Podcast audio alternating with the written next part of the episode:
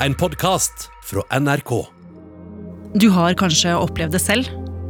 Å ha sex som føles helt feil, men som likevel ikke er ulovlig. Faktisk så har så mange som en fjerdedel av unge opplevd uønska sex. Og nesten halvparten av unge kvinner sier de har vært utsatt for det. Innafor i NRK ville finne ut hvorfor vi tilsynelatende tråkker over hverandres grenser så innmari lett. Og fikk eksklusiv tilgang til en kveld der alt gikk galt mellom to mennesker.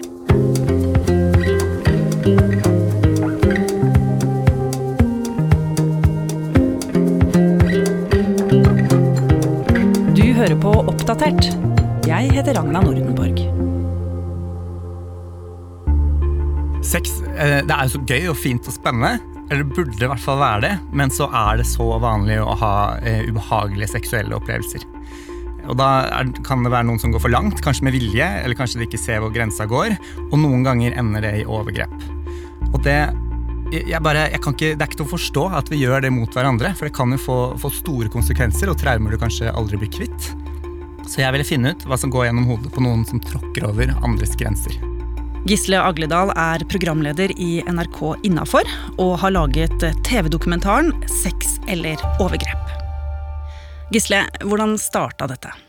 Jeg, jeg, spurte faktisk på Instagram om eh, noen hadde hatt eh, noen ubehagelige opplevelser eller hatt uønska sex eller opplevd noe grenseoverskridende, og om de ville fortelle om det. Og da rant det jo inn med meldinger. Jeg kom over en historie som, eh, som vi ville gå liksom litt dypere inn i. Um, så I dokumentaren så, så, møter jeg da en som vi har kalt Christian. Han vil være anonym, for han vil ikke stå for det han har gjort. Og For noen år siden så uh, var han på et vors i Bergen under fadderuka.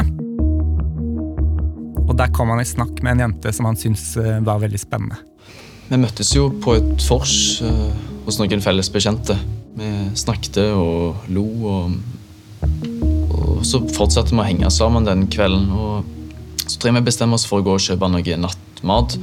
Og så husker jeg ikke helt nøyaktig hvordan vi kom inn på det, men på en eller annen måte så kom vi fram til at jeg skulle være med henne hjem. Og i løpet av kvelden så ble jeg jo interessert i henne. Det ble jeg. Jeg husker godt at på vei hjem til henne så sa hun at det kommer ikke til å skje noen ting mellom oss.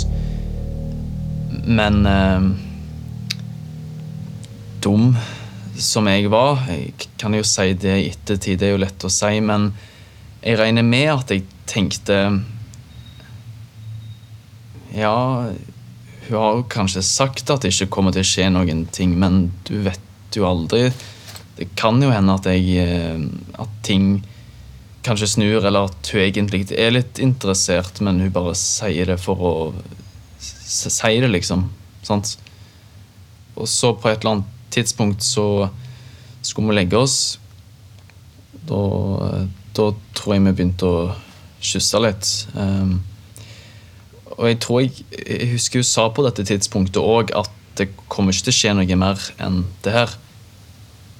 Og uh, greit, tenkte jeg.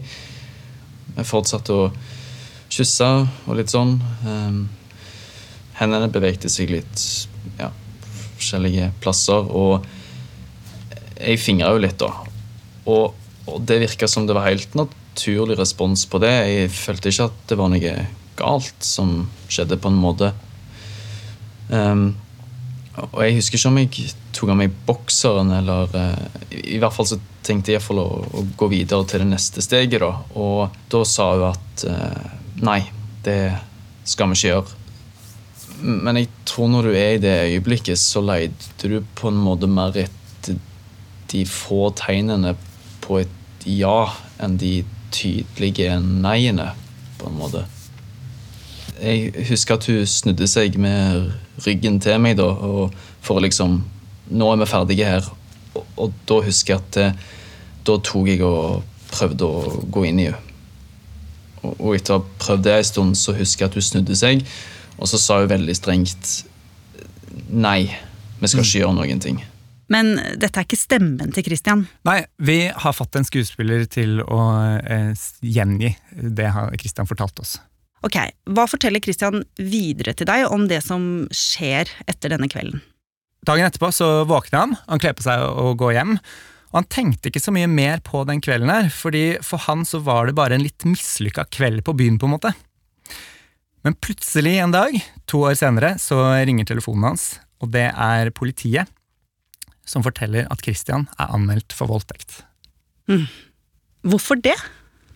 Det viser seg at det er to veldig ulike opplevelser av den kvelden. Fordi jenta som Christian delte den senga med, hun heter Elsa og var like gammel, rundt 20 år. Det hun forteller om kvelden, det, det begynner ganske likt. De møttes på vors, det var god stemning, de henger sammen hele kvelden, og han følger henne hjem. Og før de går inn, så sier hun at det ikke skal skje noe seksuelt mellom dem. Og det, det er hun egentlig ganske fornøyd med at hun har sagt så tydelig fra om. Men eh, hvorfor tar hun ham med hjem? Bybanen hadde slutta å gå. Det var så enkelt som det. Så hun, hun ville være snill, eh, og, og trodde jo hun hadde fått sin første venn på det nye studiestedet i Bergen. Men eh, selv om hun har gitt denne beskjeden, så går det altså ikke etter planen. Nei, det er nettopp det. Jeg lot han sove i samme seng, eh, for jeg var ny i kollektivet. Så jeg følte ikke at det var greit å bare la en fyr sove, sove på sofaen da, når jeg ikke kjente de jentene jeg bodde med så godt. Og sånn. Og hun her heter jo faktisk eh, Elsa. Det er Elsa vi hører her. Ja, Vi slukka lyset og sa natta. Det var da han begynte å ta på meg. da. Begynte å kline, og jeg klina jo tilbake. eh, For jeg fryser til i sånne situasjoner. På en måte, Ikke i den forstand at jeg blir helt stiv, men i den forstand at jeg eh, kun er med på det som skjer, uten å klare å i det hele tatt si nei. Um, og så prøvde jeg å bryte ut av det, så jeg sa jo slutt. Og så dytta han litt sånn lett bort og sa jeg sa det ikke skulle skje noe. Og så trakk han seg unna. Og så stoppa han også opp, og så begynte han på igjen. Etter en liten, liten pause. Da. Okay. Så da gikk jeg inn igjen i samme forsvarsmekanisme. på en måte satt i gang da. At jeg frøys til og, og ikke klarte å vegre meg helt. Og Det var da han begynte å fingre meg. da, etter hvert. Mm. Men jeg klarte jo å ta til meg mot igjen og si nei igjen, da. Og sette grensen tydelig, følte jeg. Jeg snudde meg også med ryggen til for å vise at nå er det slutt. Mm. Og da ga han seg også, så da følte jeg igjen at nå, det her går fint. Men så kjente jeg plutselig at den begynte, begynte å penetrere meg bakfra. Dette er jo en ganske annen historie, Gisle. Hvorfor bruker du så lang tid på å anmelde det? Elsa prøver å tenke minst mulig på det som skjedde, lenge. Men hun klarer ikke å glemme det. Hun, hun føler skyld og skam, hun isolerer seg, det går utover hverdagen og relasjonen og studiene hennes. Og viktigst for henne så eh, tenker hun mye på at hun, hun vil jo ikke at Christian skal gjøre dette mot noen andre. Så etter to år bestemmer hun seg for å gå til politiet og fortelle om denne kvelden med Christian. Men allerede samme dag blir saken hennes henlagt. Politiet mente at det som skjedde ikke kan omfattes av voldtektsparagrafen, og er dermed ikke straffbart. Men eh, når jeg hører henne fortelle dette Hun har jo sagt nei flere ganger. Hvorfor er ikke det en voldtekt?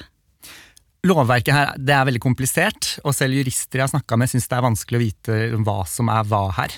Men i utgangspunktet er det visst sånn at med mindre du sover eller andre grunner er ute av stand til å motsette deg, så må det være vold eller trusler involvert for at jussen definerer en sånn hendelse som voldtekt. Så i Norge i dag så holder det altså ikke alltid å si nei. Så det han har gjort mot henne, det er lov? Det er litt vanskelig å svare på. Jeg er jo ingen jurist. Men det som skjedde, var at Elsa klagde på henleggelsen i flere omganger, og hun kom ingen vei. Så Elsa føler absolutt at hun har blitt utsatt for et overgrep av Christian. Og det er jo ganske vanlig, Gisle. Ja, Vi fikk Norstat til å gjennomføre en undersøkelse, og den viste at 42% av de spurte kvinnene, altså mellom 20 og 30 år, hadde opplevd at noen hadde tråkka over deres grenser seksuelt.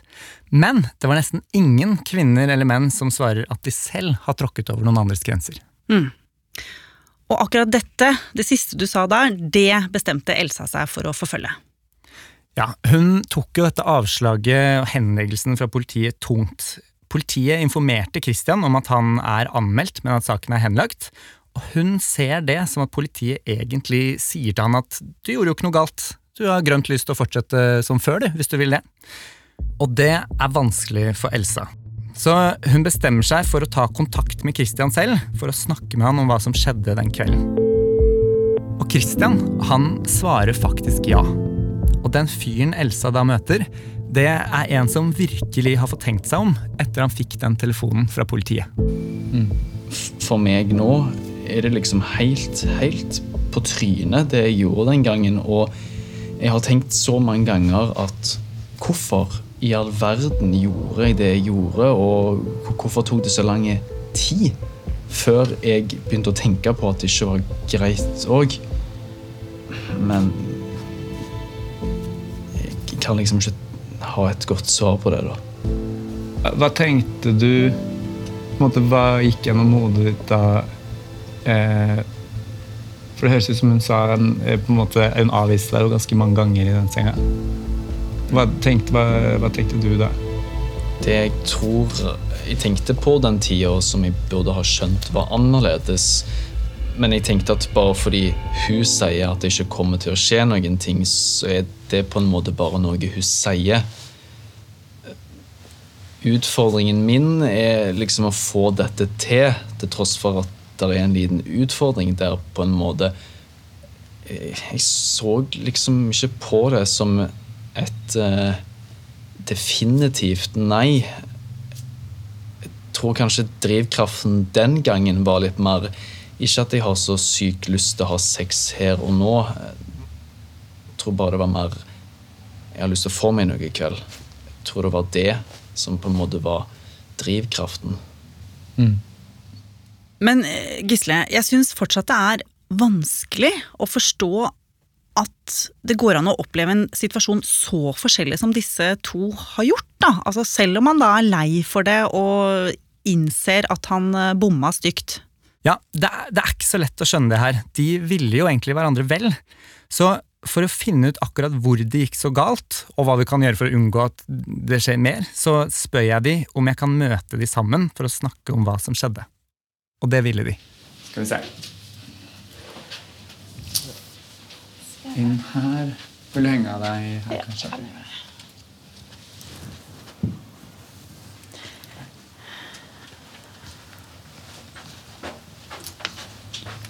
Hallo. Hei. Hei. Går det bra? Det gjør det. Yes. Med deg? Ja, nervøs. Ja. Fra det, så Ja, same. Jeg kjente hadde, hadde litt puls når du Ja. kom nedover gangen. Det har man. Mm.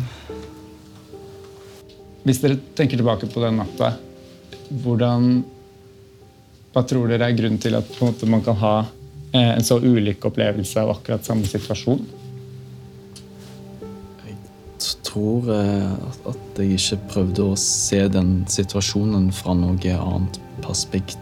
Jeg hadde veldig sånn tunnelsyn på alt det som skjedde, kanskje. Og jeg, jeg vet ikke det, det er Veldig rart å sitte og snakke om det nå, i, i hvert fall liksom når jeg vet hvordan du oppfatter det, og, og jeg vet jo sjøl òg hvordan jeg burde ha oppfatta det. Nei, det, det, det er veldig vanskelig å skjønne hvordan det kunne bli så forskjellige oppfatninger av det. Men jeg tror det kanskje er at han ikke nødvendigvis tenkte konsekvenser. Ikke skjønte seriøsiteten i mitt nei, da. Og det er litt skummelt. Mm. Hva tenker du om det? Jeg sitter jo og tenker på at jeg har påført deg en sånn ting som du må lære deg å leve med, og det er ikke noen god følelse. Eller, jeg har jo visst det, men jeg har jo bare tenkt det, og det blir jo helt annerledes når du sier det, og det stikker veldig dypt. Og jeg bare skulle ønske at det ikke hadde skjedd.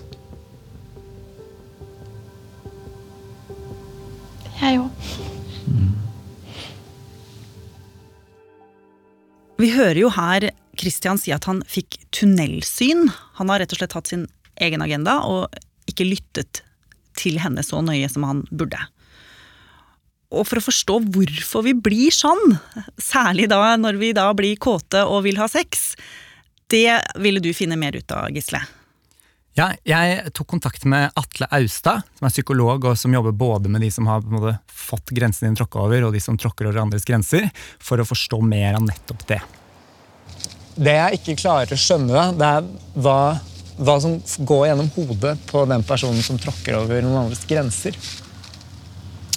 Det er jo forskjellig fra person til person som tråkker over de grenser, hva som går gjennom hodet. Eh, hos ganske mange så er det jo ikke så veldig mye som går gjennom hodet i det hele tatt. I hvert fall ikke av, av fornuftige tanker. Eh, noen handler jo bare på den tenning, impulsen, kåtheten, begjæret. At det på en måte er det altoppslukende, er det eneste de følger. Det er lysten til å få tilfredsstilt begjæret sitt. da. Men hvis den andre personen eh, sier nei eller viser tegn til at man ikke vil dette, mm. hvorfor fortsetter noen da? Primært så er det jo fordi at man ikke har lyst til å få et nei, fordi man har så veldig lyst til å få et ja. Det er nok sjelden bevissthet at nå tråkker jeg aktivt over grensa til noen som ikke vil. De fleste leter nok heller etter, eh, etter tegn på at den andre egentlig vil. Ja, vi flørta litt tidligere i kveld, ja, der gjorde hun det var en liten bevegelse, et eller annet som tilsier at hun kanskje hadde lyst. Så man aktivt leter etter grunner til å kunne ha den sexen. da. Og Der kobler man ut empatien. da. Man kobler ut det å sette seg inn i hvordan er det for den andre akkurat nå. Når de våkner opp igjen og begynner å tenke på hva som egentlig skjedde, så vil nok de aller fleste vite at de har gjort noe som var feil. Så jeg er veldig opptatt av at, at, at eh, man må reflektere rundt sånne ting når man er ikke kåt og, og edru. da. Ofte så skjer dette her når det er litt uh, alkohol eller annen type rus i bildet også. Mm. At, og da er jo refleksjonsevnen enda lavere. Men hvis man på en måte har tatt stilling til dette litt aktivt på forhånd, så er det veldig mange som ikke hadde gått over den grensa. Gisle, du og Innafor-redaksjonen ville jo finne ut av hvorfor vi roter det til med sex. Hvorfor det er så lett å tråkke over andres grenser. Fikk du svaret du ønska deg, eller ble du noe klokere? Kanskje det viktigste jeg lærte, det, det, handler jo om å forstå at vi alle kan komme i skade for å tråkke over andres grenser om vi ikke er bevisste. Fordi selv om du ikke ser akkurat hvor grensa går, så kommer den jo alltid til å være der et sted. Mm. Og det var det som kanskje var problemet til Christian, var at han, han hadde jo aldri sett på seg selv som en fyr som kunne begå et overgrep. Det var først da Elsa tok kontakt og sa hei, det var sånn her jeg opplevde den kvelden, at han så seg selv i det lyset og skjønte hva han hadde gjort.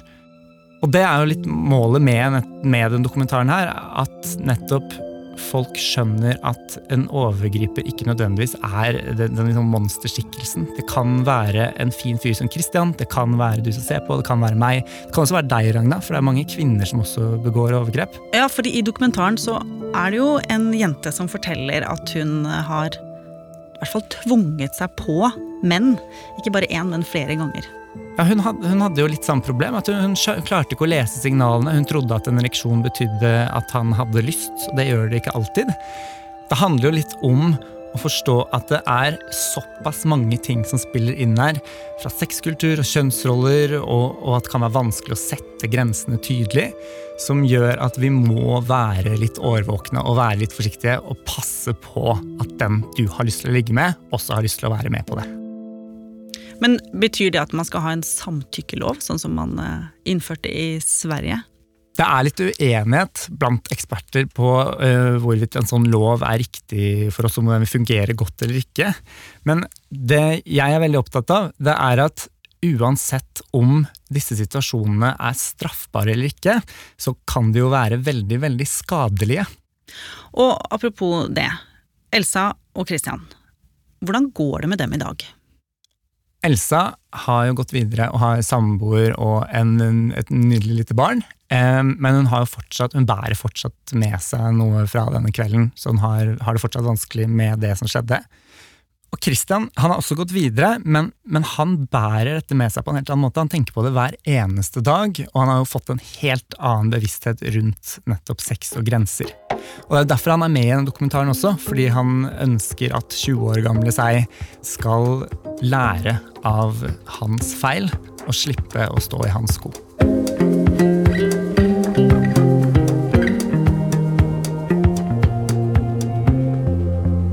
Oppdatert er en podkast fra NRK Nyheter. Og hvis du ikke vil gå glipp av neste episode, så kan du abonnere i appen NRK Radio. Bare søk på Oppdatert, så finner du oss. Denne episoden var laget av Ida Tune Øritsland, Petter Sommer og meg, Ragna Nordenborg.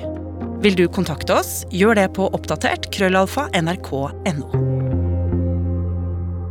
Du har hørt en podkast fra NRK. Hør flere podkaster og din favorittkanal i appen NRK Radio.